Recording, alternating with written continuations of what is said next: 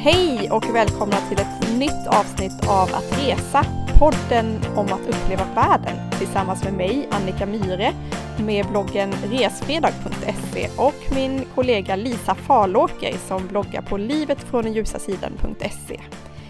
Idag ska vi podda om ett ämne som vi har velat prata om jättelänge, nämligen om att resa hållbart. Vi är jätteglada att vi i det här avsnittet har med oss en sponsor som underlättar för oss just att bli hållbara resenärer och det är Cisco Via. Och det är en söktjänst där resenärer som vill resa hållbart och medvetet kan hitta tips och inspiration hos researrangörer som erbjuder just hållbara resor. Och det är alltså det som vi ska prata om idag. Det är himla svårt det där, alltså som du säger, det är ett område vi har velat prata om så länge. Jag har råkat ut för att få kommentarer på min blogg kring resande och miljö och så och det är ju någonting som jag också kan beröra på många olika sätt. Det går liksom inte riktigt ihop. Det blir lite motsägelsefullt samtidigt som det finns en massa andra tankar kring det här med resande och varför det är bra. Så det är svårt att säga att man bara ska sluta resa för att vara miljömedveten och så. Men jag vet inte, alltså det finns ju många olika begrepp också. Hållbart resande, medvetet resande. Kan du bena ut det där lite grann? Jag tycker att det känns lite svårt ibland att veta vad det var egentligen. Det finns väldigt mycket begrepp som vi slänger oss med inom turismen och generellt eller extra mycket också inom hållbarhetsvärlden tänker jag. På engelska brukar man prata om sustainable tourism och det är väl den definitionen som används också av något som heter United Nations World Tourism Organization och också ännu ett begrepp som vi kanske inte ska gå in på. Men vi brukar prata mycket om eh, ansvarsfull turism, eh, ansvarsfullt resande, man pratar om ekoturism och som du säger medvetet resande. Men vi har valt att lägga in alla de här begreppen i hållbart resande. Ja men precis och för oss så handlar ju det här om allt som har med hållbart resande att göra. Det hållbart är någonting som betyder att någonting ska hålla över tid. Men lite av grundtanken i det här också är just det här att du och jag och förmodligen alla som lyssnar på den här podden vill resa, älskar det och känner vi kanske någonstans att vi har rätt att resa. Och själv tänker jag också att det finns så himla mycket positiva saker som kommer ut av att resa. Jag är så övertygad om att världen blir bättre av att vi reser. Att det liksom är lärorikt, att det ökar förståelsen, att man kan få liksom ökad insyn i ett land och bidra till att sprida demokratiska idéer och normer och så. Sen finns det ju de som tycker tvärtom också. Det har vi också berört när vi har pratat om när det gäller att resa till ställen som kanske har en regim man inte riktigt eh, håller med om eller så. Så det kan man också få mycket frågor om att hur kan man resa dit? Det är inte moraliskt eh, försvarbart. Själv tänker jag alltid att regim inte är samma sak som befolkning. Och att så här, tyst protest, att inte åka någonstans, det blir liksom inte en, en vettig protest i alla fall. Utan att på något vis kan det vara bättre att resa till ställen så att de får ögonen på sig genom att vi är där och ser det, tänker jag. Ja, att man faktiskt kan påverka utav sitt resande också. Eller man får upp ögonen för saker och tar med sig en, en vidare världssyn hem. Ja, och vi i Sverige har ju sån Alltså vi reser så otroligt mycket och vi är, har det väldigt bra här i Sverige och vi har de förutsättningar eh, som krävs för att vi ska resa. Och med den möjligheten så finns också ett ansvar på oss, på alla, att vara just en ansvarsfull resenär. Men samtidigt tycker jag då att det här ansvaret, det ger oss också möjlighet att kunna påverka och förändra genom att vi faktiskt kan ställa krav och, och ifrågasätta allt som har med våra resor och resande att göra och de, ja, de företagen eller de flygbolagen eller de researrangörerna som vi väljer att resa tillsammans med. Mm, precis. Och egentligen upplever jag nog att det pratas lite för lite om det här. Alltså det finns vissa som gör det men det blir otroligt svart eller vitt. Antingen så reser du mycket och så är du en skurk eller så är du ett helgon.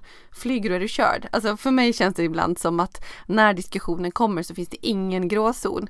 Och det kan jag tycka att det är så himla så himla jobbigt och, och det är svårt också med vilken krav kan man ställa på någon som enskild konsument. Alltså för någonstans är jag en konsument av resor och ja, jag är en stor konsument av resor så jag kanske borde vara mer insatt och så. Men ska jag kunna veta och bedöma allt? Alltså vilken nivå har vi rättigheter till och vilken nivå har vi skyldigheter att kunna liksom på individnivå? Jag tycker att det här är supersvårt och känner att jag hamnar ju absolut i gränslandet där i gråzonen. Fast kanske säger jag det bara för att skydda mig själv. Alltså jag är inte ett helgon. Jag är medveten, absolut. Men jag anpassar mig inte särskilt mycket. Ibland gör jag det, men jag är väl sån där som silar mygg och sväv, sväljer elefanter liksom. Ibland kan jag tänka på folk som så flyger i Göteborg-Stockholm och nästan blir provocerad av det och tänker att det är så sjukt onödigt. Det finns snabba, snabba tåg, det går snabbare och det är supermiljömedvetet. Men sen sitter jag och åker flera långresor om året. Det går ju liksom inte ihop. Jag kan inte bli provocerad av någon som flyger Stockholm, Göteborg och själv åka till Asien två gånger om året liksom. Nej, för just när du pr pratade om det tidigare, att vi någonstans anser oss ha en rätt att resa. Eller hur? Ja. Alltså, vi pratade innan vi spelade in den här podden om att det här avsnittet är ändå lite jobbigt och spela in. Det är jätteviktigt att vi pratar om det här, men det är klart att jag känner någonstans att men jag är ju en del av det här problemet genom att jag reser så mycket med allt vad det innebär i form av eh, flygutsläpp och så liknande. Eh, men jag är absolut medveten om problematiken och jag tänkte på det jag, eh, när jag pratade om att Filippinerna som jag var på i somras, jag åkte dit på en pressresa under en vecka. Alltså jag flög hela vägen till Filippinerna. Jag var där en vecka och sen kom jag hem och så pratade jag om hur fantastiskt det är att hotellen på Filippinerna har lokala varor i sin minibar.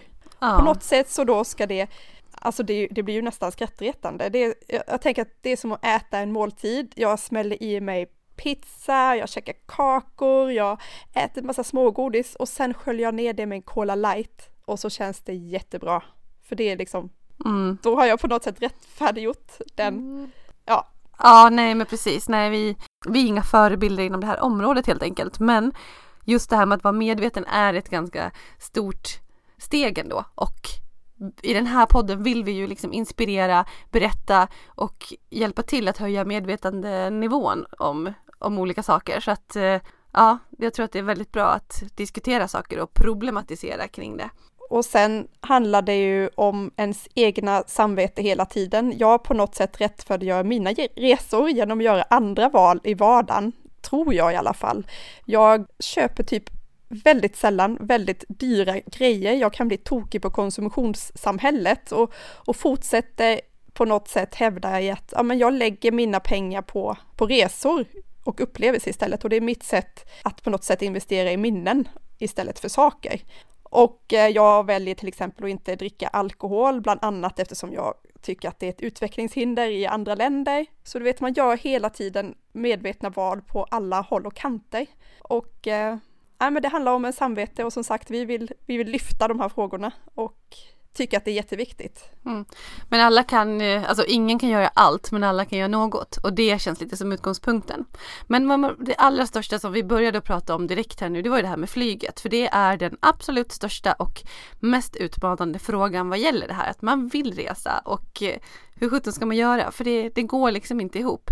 Men sen kände vi lite grann att det är svårt att prata helt om det här med flyget för att vi inte är tillräckligt insatta i hur allting egentligen ligger till. Alltså vad utmaningarna är, hur forskning och utveckling går, vad händer, vilka aktiva val kan man göra? Så vi tog ju hjälp av en riktig expert, Tove Ahlström. Så ni ska få höra Tove svara på lite frågor kring det här med flyget och vad som gäller och göra oss lite mer upplysta på det området.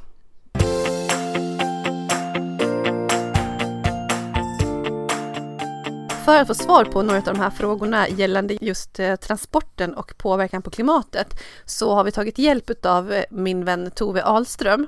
Tove är eh, väldigt kunnig inom miljöfrågor och har jobbat med hållbarhet och klimatfrågor i runt 14 år tror jag. Idag är hon hållbarhetschef på Sveriges enda online-apotek och hon är också utbildad climate leader utav Al Gore som har ett stort nätverk utav climate leaders runt om i världen och ett hundratal tror jag i Sverige som håller föreläsningar eh, regelbundet och pratar om olika klimatfrågor och med det också kan området, håller sig uppdaterad på det och också en väldigt stark ambassadör och eh, kompetensspridare inom klimatområdet.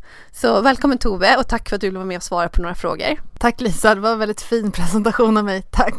Ja. Och när vi pratar transport och påverkan på klimatet och utmaningar, för det är ju ofta en sån ja, väldigt utmanande, Det känns väldigt motsägelsefullt att älska och resa men ändå värna om, om världen och, och planeten och klimatet. Och just flyget är någonting som man alltid får frågor om. Att hur kan du flyga så mycket? Du är så otroligt stor klimatpåverkan och så. Kan inte du berätta lite grann om utmaningarna och problemen? Alltså vilka är de faktiska problemen med flygresor? Alltså vi vet ju att det handlar om utsläpp, men typ hur stor del står flygen för och vad är så negativt med flygen och dess påverkan? Ja, man kan väl börja med att ta lite så här fakta, bak, bakgrund. Och av de eh, globala klimatutsläppen så är det ungefär 14 procent som är från transportsektorn. Och av dem så är det ungefär 2-4 procent som är från flyget. Så att det har en stor påverkan Eh, men den är inte så stor som man ibland får för sig att den faktiskt är. Men den är absolut väldigt viktig för den är ju en ökande sektor så att den ökar ju hela tiden mer och mer. Och då pratar man ju främst om klimatutsläppen i form av koldioxid från flygbränslet. Alltså så när man ska åka fort så kostar det mycket energi så då blir det mycket koldioxid. Eh, och det är ju från fossila bränslen som olja som man gräver upp och gör flygbränsle av. Men det som du säger där kring antal procent så låter det ganska lite men sen är ju såklart all påverkan är negativ, man vill ju få ner det här, alla måste göra sitt inom sina områden. Känner du att, att flyget och just vad gäller resandet, det här som bara är för underhållning, liksom onödigt flyg egentligen. Känner du att det får onödigt mycket skit eller är det med all rätt som det snackas om det och att man så fort man säger att man tycker om att resa att man får en stämpel på sig att då kan du inte värna om klimatet? Ja, eh, jag tycker nog, eh, så här kan man väl säga att flygresor för nöjes skull släpper ju ut otroligt mycket koldioxid. En resa, en privatperson som flyger ner till Thailand släpper ut ungefär två ton koldioxid. Och det är så mycket koldioxid som du har som, om du skulle ha en koldioxidbudget i en hållbar värld, om vi skulle prata sådana termer, då är det två ton per person och år. Så att om du reser till Thailand en gång per år och lever ett normalt liv, då släpper du ut ungefär 10 ton eller 12 ton per år. Och det är liksom inte hållbart. Så att vi måste se över de där flygresorna till Thailand och sluta med dem eller få dem att bli otroligt många färre. Okej, det känns faktiskt lite deppigt att höra. Jag hade hoppats att du skulle svara annorlunda, men det är liksom den bistra sanningen. Men om man då pratar om, alltså jag som tycker om att resa och jag tänker att det finns en massa positiva saker med att resa, att man faktiskt lär sig saker om världen, att världen blir en härligare plats. Och jag har citerat dig vid ett tillfälle. Nu vill jag tänka efter här, var, det var det nyårsavsnittet eller trend? Jag har i alla fall citerat min kompis Tove innan som sa så här att Anledningen till att jag jobbar med hållbarhet är till stor del för att jag har sett så mycket av världen, för Tove gillar också att resa. Eh, och sa att den är ju så sjukt vacker och jag vill värna om den och det är en stor anledning till det. Så att, ja. Och så tänker jag också och vad gäller det positiva med resandet. Men i alla fall, om man nu pratar att vi vill fortsätta resa, kan vi ställa något hopp till utvecklingen och vad som händer i forskningen? Ser man någon lösning? Till exempel så vet vi att nyare flygplan är mer bränsleekonomiska. Så att på ett sätt så ska man ju kanske ha med det i åtanke när man bokar flygbiljetter att nya schyssta flyg är bättre än gamla rackiga. Är det sant för det första? Och sen vad finns det? Finns det någon lösning i sikte? Är lösningen att vi ska sluta resa eller kan vi hoppas på forskningen och utvecklingen? Först måste jag säga det som, det som du sa med att man när man reser och ser världen, att man då får motivation till att bevara den. Så där är verkligen så här, jag vill inte säga till någon att nej, res ingenting för att stannar du bara hemma då kommer du inte få motivation och inspiration till att göra någonting. Så det är ju en svår och komplex bild som vi står inför. Eh, och jag gillar också att resa. Jättejobbigt att vara miljömedveten och veta vilket utsläpp man ställer till med när man ändå gör sina resor. Men tillbaks till forskningen och hur, var vi står i i det läget så är det så att dels så gör de bland annat nu sådana här gröna inflygningar, att man liksom egentligen stänger av motorerna och glidflyger in och då sparar man väldigt mycket bränsle. Så det är en sak som redan görs nu. Och man gör mer så här raka flygningar, man gör rutterna mer raka istället för att man åker runt länder och sådana saker. Det är det som görs. Sen så vet jag att det pågår väldigt mycket forskning kring att göra flygbränsle av eh, förnybart material. Men då är det, får vi en annan problematik. Att gröd, för det blir ju av grödor eller av skog eller någonting som växer, något förnybart. Och de sakerna behöver vi oftast till andra saker, till exempel till mat. Så att, att göra liksom flygbränsle av förnybara grödor som man sen istället skulle kunna äta, det är inte heller någon riktigt bra ekvation. Eh, jag vet att för några år sedan, eller om det var, ja det är nog några år sedan, kanske 2014, så åkte första planet runt jorden med bara solceller, inte en droppe med bränsle. Men då var det ju en pilot och ett litet, litet plan som åkte runt. Men det är ju en annan del, att man kan använda solceller och eldrivet flygplan. Så. Ja men det lät ju faktiskt otroligt hoppfullt. Vad händer där nu? Kan man hoppas på det eller tror du att det är kört? Alltså, jag tänker utvecklingen går ju verkligen framåt hela tiden. Kan vi hoppas på den typen utav, utav plan eller är det, ja, har man sett begränsningar där? Finns det någon eh, något sagt om det? Det vet jag faktiskt inte. Bara att de gjorde, alltså att det var någon som ville försöka och så ville bevisa någonting. Jag tror att det är ingenting som är möjligt. Vi människor är otroligt kreativa och påhittiga och så och vill folk resa Eh, och liksom oljan tar ju slut en vacker dag. Alltså på, på, riktigt. Då kanske vi har ännu mer koldioxid i atmosfären och allting ser väldigt mycket annorlunda ut. Men jag tror ändå att solceller på planen kan vara en, eh, ja, men en del av lösningen. Det kommer säkert någon annan också eh, som kommer till. Mm. Jag får be om ursäkt för, för ditt skratt där för att det var för att jag såg så otroligt deppig ut när du sa det där och typ klarade nästan inte att sitta upprätt. Jag får sån ångest utav det där.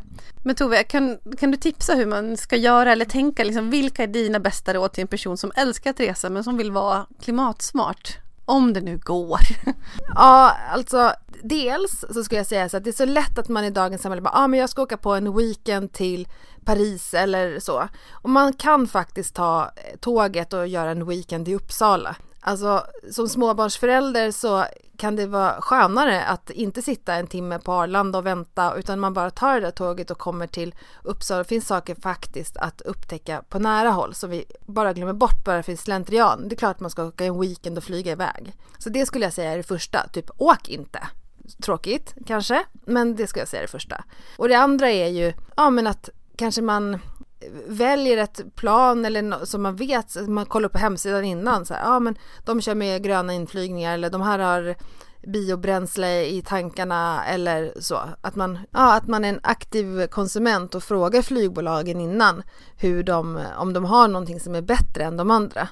Det kanske inte är det vanligaste man gör men, men att, att fråga och sätta fokus på hållbarheten kring resan är ju alltid bra de som är flygbolag bryr sig om sina konsumenter. Om konsumenterna börjar fråga så kommer det dessutom hända mer snabbare. Så är det ju. Se bara på hela ekoboomen som är just nu.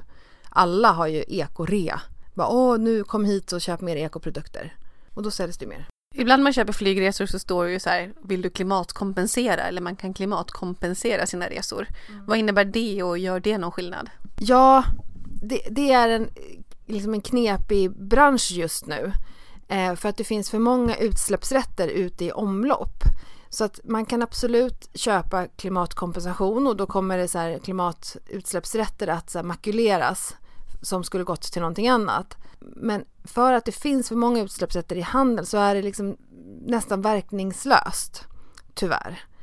Så, men det är, en knep, det är en knepig bransch som om man bestämmer att ta bort utsläppsrätter så att man får det till en normal nivå av utsläppsrätter ute så kan det vara en jättebra och fungerande sätt att klimatkompensera. Okej, ja men tack. Det är inte jättehärliga nyheter för någon som älskar att resa men det är så den bistra verkligheten ser ut. Så vad gäller transport, försök att minimera antalet flygresor. Tänk på andra sätt att resa och upptäck det nära. Det är någonting som vi ofta talar om att eh, när det finns otroligt mycket att se i Sverige, i Norden, runt om och som man kan upptäcka med mycket kortare resor. Så vi får tacka jättemycket för det inspelet och för dina klokheter Tove. Tack så jättemycket för att du ville vara med. Tack för att jag fick komma.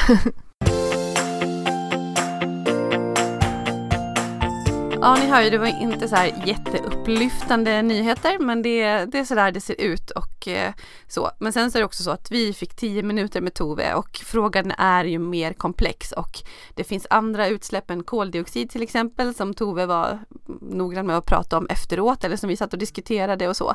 Men eh, ja, Eh, så ligger det till. Och sen får vi väl också faktiskt säga att vi ytterligare lite grann får lyfta trenden med det här resa nära av fler anledningar än trygghet, vilket vi har trendspanat om eller pratat om tidigare. Att det finns otroligt många vackra ställen eh, nära och att man kan åka miljövänligt dit med tåg till exempel. Alltså jag älskar tåg. När det är i tid, det är så sjukt bra sätt att resa. Jag har en hatkärlek till tåg.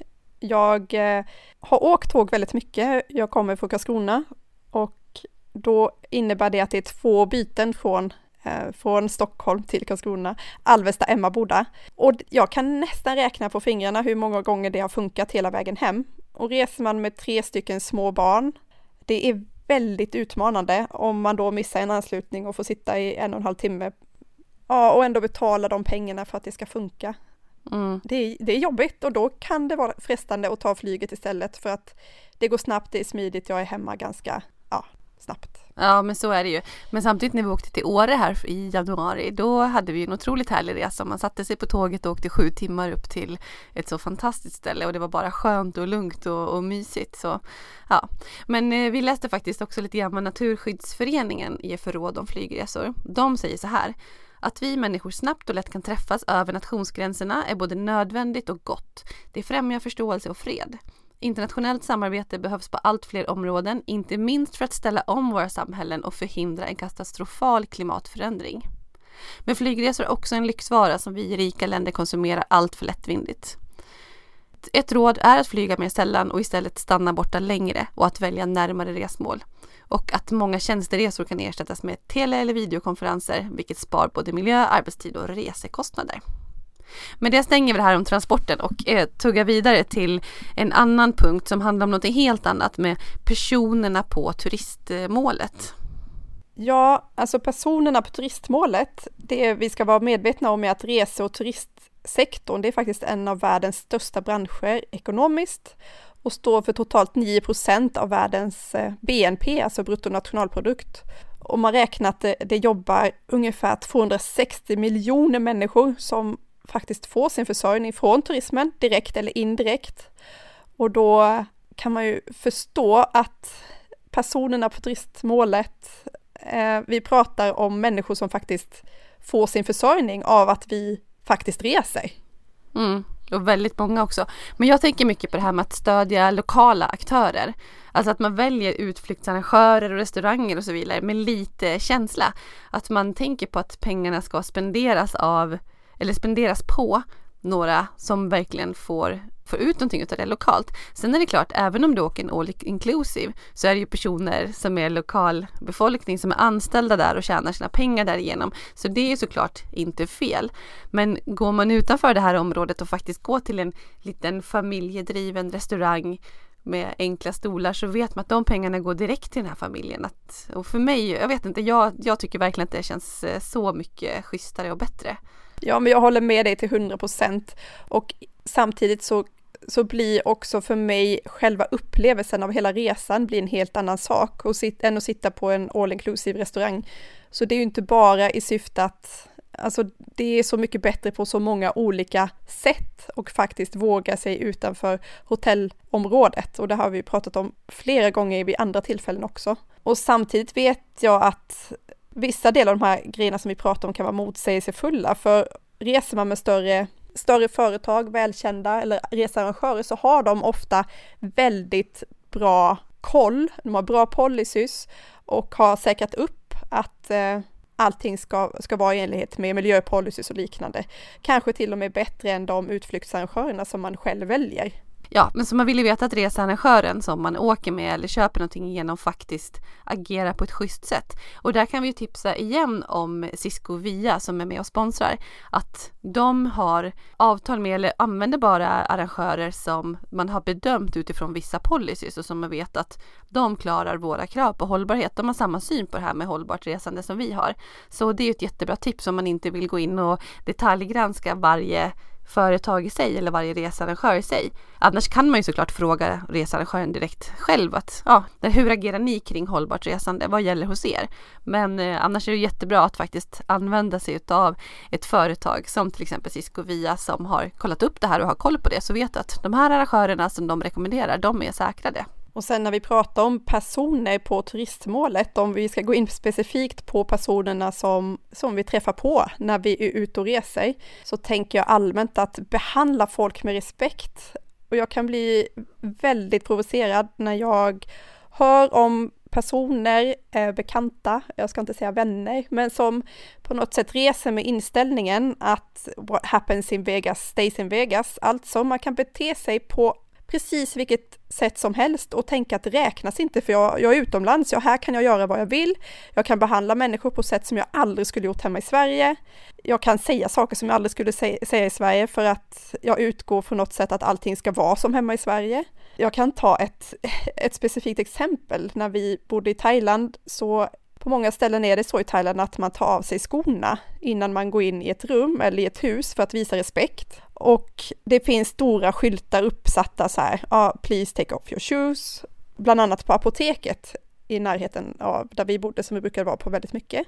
Så alla, man, man klär av sig skorna, man ställer dem och man går in barfota.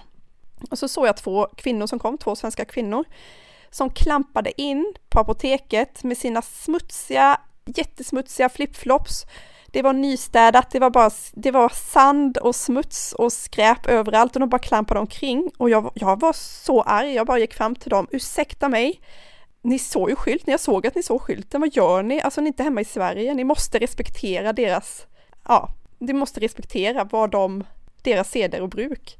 Sådana grejer kan göra mig så tokig alltså. Ja men faktiskt, ärligt talat, man behöver faktiskt inte resa överhuvudtaget tycker inte jag om, om man inte kan respektera andra kulturer. Det är A och O om du ska resa. Alltså kan man inte göra det då kan du faktiskt lika väl stanna hemma. Nej, värna om personerna på turistmålet och respektera den lokala kulturen. Hur svårt kan det vara? Det måste man göra om man ska vara en schysst resenär. Men jag måste fråga dig där Lisa, just om personerna på resmålet, för att jag vet, vi har, vi har pratat om att eh, vissa ställen man kommer till, på tal om att göra saker som man inte gör hemma, så är det ju många som åker till Thailand och tror att de kan eh, till exempel köpa sex. Helt öppet, barn, man går omkring på, eh, jag vet att vi kom till Patong Beach i Phuket och jag kunde inte vara kvar, alltså jag kunde inte ens vara kvar i stan, jag vill bara hem till hotellet för jag mådde fysiskt illa av allting som jag såg runt omkring mig. Vad gör man i sådana situationer? Ska, jag, ska man gå fram och bara kräkas på dem? Vad ska man göra? Du vet, vad, hur beter man sig i sådana situationer? Ja men det är ju svårt att gå fram oprovocerat där till folk man inte känner och när det är ett så himla utbrett liksom.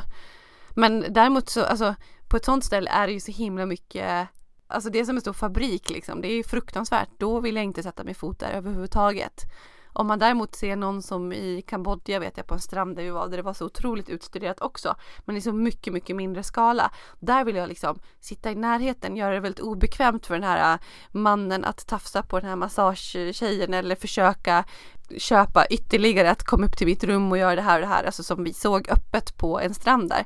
Då vill jag sitta i närheten, att de inte ska känna att de kan ställa de här frågorna öppet och att de ska veta att jag ja, att det inte jag, är Jag ser, liksom. jag hör. Ja, Ja. men ungefär så. Men sen förstår jag att det inte gör någon skillnad i sig heller. Så att nej, jag kan verkligen inte svara på det. Men det är ju bara så himla fruktansvärt.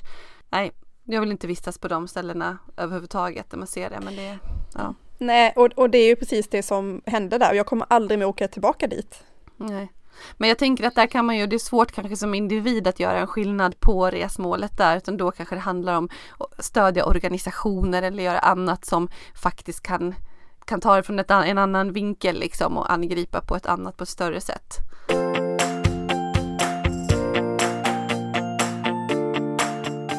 Sen har vi den här frågan om djur. Det är ju också jättesvårt och det känns ju som någonting som har blivit mer och mer snackis. Att folk har fått upp ögonen för att ganska mycket saker gällande djur och underhållning på resmål inte alls är särskilt schysst och ingenting som man vill stödja. Där kan man ju absolut göra en eh, förändring genom att inte komma. För dalande besökssiffror betyder ju direkt att okej, okay, det här kanske inte är någonting som uppskattas av turisterna och ifrågasättanden och så. Att där kan man ju ta aktivt val tycker jag. Ja, jag såg faktiskt en film som påverkade mig så mycket. Efter jag hade sett den här filmen så tog jag jättemånga medvetna val om just djur i fångenskap och eh, den här filmen heter Blackfish och det är en dokumentär om en späckhuggare som heter Tillicum som hölls i, i fångenskap på SeaWorld i Orlando. Och det är säkert många som har hört talas om Ja, han var faktiskt inblandad i tre dödsolyckor. Han tog, tog ihjäl, alltså han hade ihjäl tre tränare. Den sista nu var 2010 och det var väldigt uppmärksammat under, alltså under en show för publik. Och den här filmen är så sorglig. Och man ser hur de här intelligenta djuren som späckhuggarna får, får tillbringa sina liv i simbassänger och de får packas in i flockar som människor har valt ut. och mår uppenbarligen inte bra. Och jag var så påverkad när jag hade sett den här filmen. Eh, vi åkte till Teneriffa bara några veckor efter och då hade de nämnt i den här filmen Lorro Park, en djurpark som, är, som ligger på Teneriffa, som har just en show med späckhuggare. Jag tror det var späckhuggare. Men då sa jag nej, eh, Tobias ville gå dit. Jag sa nej, vi kommer absolut inte åka dit. Vi kommer inte stödja det där. Sen så var vi på, eh, jag var i Singapore också för ett tag sedan och då ville min syrra gå på nattzoo. Och jag bara nej, vi ska inte gå och kolla på djur i fångenskap. Däremot så i somras så, eh, så åkte vi till Kolmården och kollade på delfinshowen där.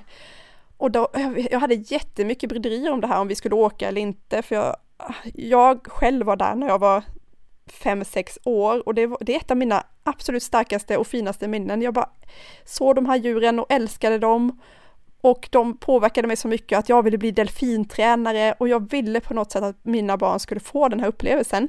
Och jag, på något sätt så vill jag tro att de har det bra. Jag vet att de jobbar mycket med forskning på Kolmården och gör ett bra jobb. Men jag vet inte, det är jätteklurigt. Nej men det är, det är jättesvårt att veta exakt hur funkar det, men hur duktig är man på det? Jag tror också det för att här i Sverige framförallt, vi vet ju att vi har väldigt tydliga lagar, vi vet att eh, saker blir granskade och så, så jag tycker nog att det kan man nog kanske tänka att det är schysst, men det är svårt att veta. Men hur mycket vet man exakt själv? Alltså vi var i, på Sri Lanka och var på någon sån här elephant orphanage typ, som, alltså typ ett elefantdagis där de tog hand om skadade elefanter och eh, ja, men tog hand om dem och de levde det så otroligt fint där, fantastisk miljö och de gick ner och badade och visst det var mycket turister där men här gjorde man liksom en jättebra grej enligt vad man sa men vet jag verkligen det? Är jag naiv liksom att jag bara lyssnar på det? Vad är mitt egna ansvar? Om någon står och säger men här har de det jättebra, det här är ett ställe där vi tar hand om skadade elefanter och sen släpps de tillbaka eller, eller hur det nu funkar. Man bara ja, mm, okej okay, jättebra men ja det är supersvårt att veta exakt exakt hur det är. Jag har varit på Ocean World i Hongkong. Jag har varit på nattsot i Singapore för många år sedan. Jag reflekterade inte ens över det. Jag har en elefantridning i bagaget också som jag inte är särskilt stolt över och som var ganska många år sedan nu. Men eh, det är sånt som jag inte skulle göra nu, alltså just elefantridning och så. Så det är viktiga debatter. Det är viktigt att väcka frågan om medvetandet. Sen behöver man kanske inte som individ göra rätt val 100% av gångerna rakt igenom. Men man kan alltid göra något. Man kan göra lite. Man kan vara medveten och välja aktivt. Ja, det är så jag tänker att, att få upp det här till diskussion. På det här sättet så är det ju alla de, det sprids en massa filmer på Facebook och det är artiklar och man får helt enkelt ta del av de här och själv bilda sig en uppfattning av vad som känns bra för, för dig eller vad som känns bra för mig. Precis, precis. Men sen kan jag också tänka att eh, alltså vissa saker är mer uppenbara. När vi var i Dubai till exempel så var det en aktivitet som eh, var inbakad i våran jeep safari ökentur som var sjukt bra. Men sen var en del att rida på kamel och där var det ett gäng kameler som fick gå liksom i öknen så här 200 meter bort, 200 meter tillbaka och så stod det en lång kö, kanske du vet, hundra personer, så här, turister som stod och väntade på att rida på de här kamelerna. Det kändes ju inte alls särskilt nice. Medan när vi var i Jordanien så var det mer så att de gick och ringde på i något litet hus där i Vaderum, någon som bodde i någon liten by precis där öknen började och bara Hallå den här familjen skulle vilja rida kamel, kan vi låna din kamel en stund så de får rida? Alltså det känns ju genuint och äkta och jag tror kanske lite mer på det här att känna, känns det som att de här djuren har det bra? Hur mycket fabrik är det kring det här? Hur mycket massturism är det? Att eh, magkänslan kanske man kommer ganska långt på ändå. Ja, generellt så tror jag att man kommer väldigt långt på magkänslan i många av de här valen som man gör när man är ute och reser i, i, i fråga om hållbarhet.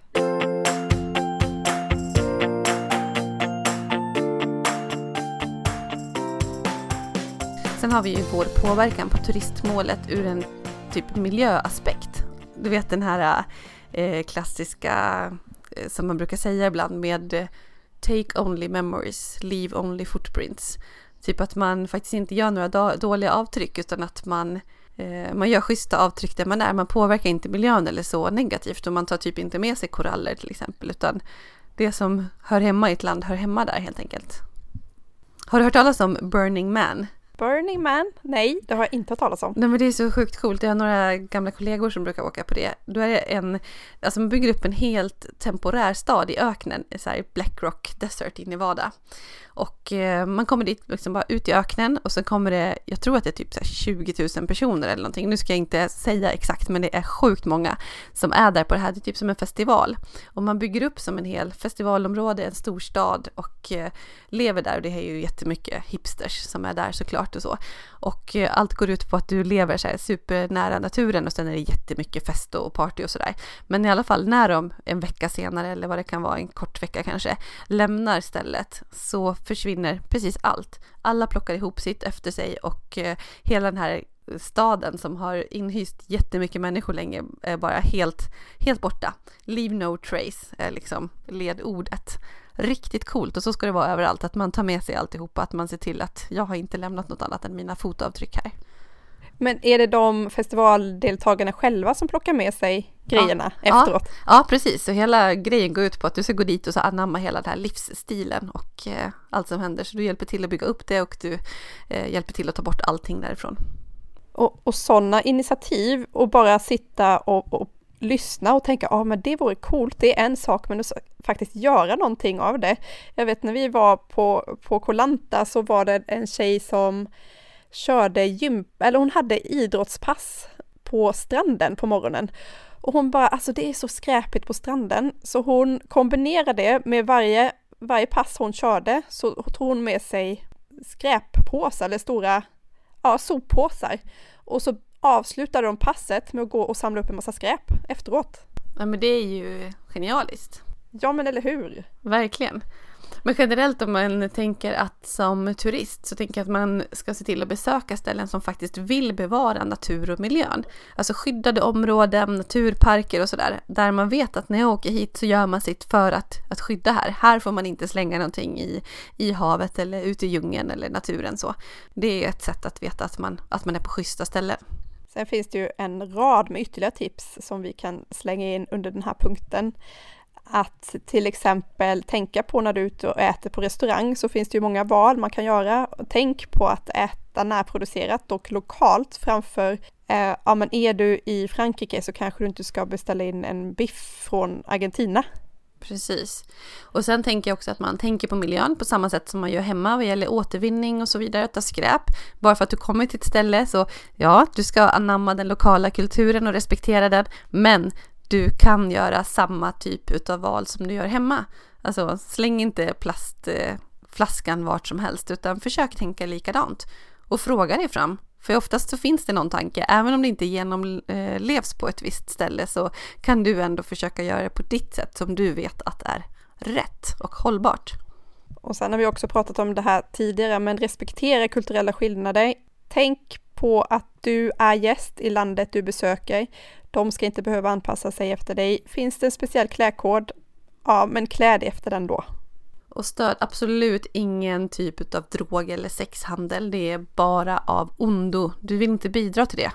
Och jag vill passa på också här och slänga in ett tips om en sajt, en sida som heter Schysst resande, där ni kan få ännu fler tips vad man ska tänka på när man är ute och, och reser. Spana gärna in den. Ja, det finns många sätt i alla fall att tänka på hur man påverkar på turistmålet. Gör schyssta val, tänk eko, tänk hållbart. Tänk på att bara lämna dina fotspår och bara ta med dig dina minnen därifrån om vi ska prata om specifika land eller specifika länder som faktiskt satsar på hållbart resande så finns det en, eh, det är tio länder som har utsetts för sitt etiska resande under förra året eh, från en organisation som heter Ethical Traveller. Och då är det utvecklingsländer som faktiskt har jobbat på ett medvetet sätt för att förbättra miljön, för att förbättra social välfärd och djurhållning och mänskliga rättigheter. Och då är det en utvärdering som flera kända stora organisationer står bakom som Unicef och Amnesty och eh, Reporter utan gränser. Och jag kan säga när jag läser igenom den här listan att jag har inte besökt ett enda av de här ställena, men det ger mig anledning att faktiskt göra det. Och vilka länder är det då Lisa, som de pratar om? Ja, för jag tycker ändå vi ska ta upp det ifall att man vill ha någon liten inspiration där. Det är Dominica i Karibien. Det pratas det väldigt ofta om den ön och eh, det tror jag är ett fantastiskt resmål för övrigt. Så den lägger jag upp lite på min lista. Grenada, också i Karibien. Kap Verde i Afrika. Mikronesiska federationen i Oceanien. Mongoliet i Asien. Panama i Sydamerika. Samoa, Tonga och Tuvalu i alla i Oceanien och sen Uruguay i Sydamerika. Men har du varit i något, du har inte varit på något av de här ställena säger du, men har du varit i något land som har satsat lite extra på hållbart resande som du kan tipsa om eller berätta om eller så? Jag kom på att jag hade faktiskt besökt en av dem, Panama, men det var i anslutning till att eh, jag var i Costa Rica som jag uppfattade var, jobbade jättemycket, det här var länge sedan i och för sig, det var 2003. Eh, de var väldigt miljömedvetna och väldigt medvetna om ekotänk överhuvudtaget. Jag tror faktiskt att de fortfarande är det. Jag vet till exempel att de för inte så länge sedan förbjöd alla typer av djurparker i Costa Rica. De vill att eh, eh djuren ska få vistas i sin naturliga miljö.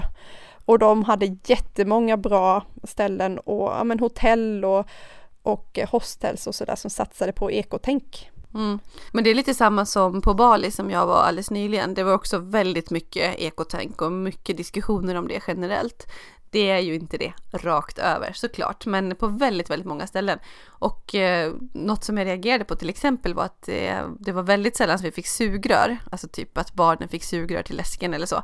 För att eh, de hade inte det, det var onödigt plast sa man på, på många ställen. Och någonstans fick vi några sugrör som var typ i som något bambuliknande eller gräsliknande material. Så ja, på hela resan så var det kanske typ det var en handfull ställen som hade sugrör, bara en sån sak. Och jättemycket eko generellt. Så att eh, ja, Bali var ett, tycker jag, ett resmål som verkar tänka till lite grann. Sen såg man ju fruktansvärd sophantering på sina ställen och så, men ja. Även Filippinerna som jag nämnde tidigare jobbar jättemycket med miljöfrågor i vissa delar, alltså vissa, vissa delar av landet. Och då kan man ju satsa på dem kanske istället för att, att läsa på som sagt innan man åker iväg. Men generellt, alltså ta hjälp. Man behöver inte kunna allt själv, man behöver inte veta vilka resmål eller destinationer eller researrangörer som kan det här, utan använd er av vår sponsor Cisco Via. De har verkligen en fantastiskt bra hemsida och de har en söktjänst där resenärer som vill resa hållbart och medvetet kan hitta tips och inspiration hos just researrangörer som erbjuder hållbara resor. Så gå in där och sök och kolla och eh, ja, det är verkligen en inspirerande hemsida. De lyfter fram en massa fantastiska resor som man kan åka med på eller bara läsa om. Och eh, ja, jag har blivit så otroligt inspirerad av att gå in där och läsa. Så mycket inspiration alltså. Och eh, hemsidan alltså där man kan läsa en massa reseförslag och allmänna tips och råd om ett mer hållbart resande. Den heter siscovia.se och det stavas alltså S-I-S-C-O och sen är det nytt ord V-I-A. Så siscovia.se. Jag vill också passa på och tipsa er om att spana in FNs globala mål för en hållbar utveckling som också går under namnet Agenda 2030. Det pratas mycket om de här målen, men det är inte jättemånga som vet precis vad de innebär och jag tycker att ni kan ta en liten titt på de här och fundera på hur, hur eh, du kan bidra till målen även genom ditt resande. Ja, så för att sammanfatta så har vi försökt att eh, diskutera och problematisera och också ge tips kring det här med hållbart resande, hur man kan göra det och utifrån fyra punkter då. 1. Transport och påverkan på klimatet. 2. Personerna på turistmålet. 3. Turistunderhållningen och djuren. Och 4. Vår påverkan på platsen vi besöker. Så kom ihåg att det är svårt att vara perfekt och ingen kan göra allt men alla kan göra något det är någonting vi verkligen vill skicka med från det här avsnittet. Och det tar vi själva med oss också, inte minst vi som reser en hel del. Precis. Och tack så jättemycket till Cisco Via för att ni var med och sponsrade det här avsnittet. Vi är helt säkra på att eh, deras verksamhet gör skillnad till hållbart resande. Tack så jättemycket för idag och vi hörs av om ett par veckor. Det gör vi. Hej då!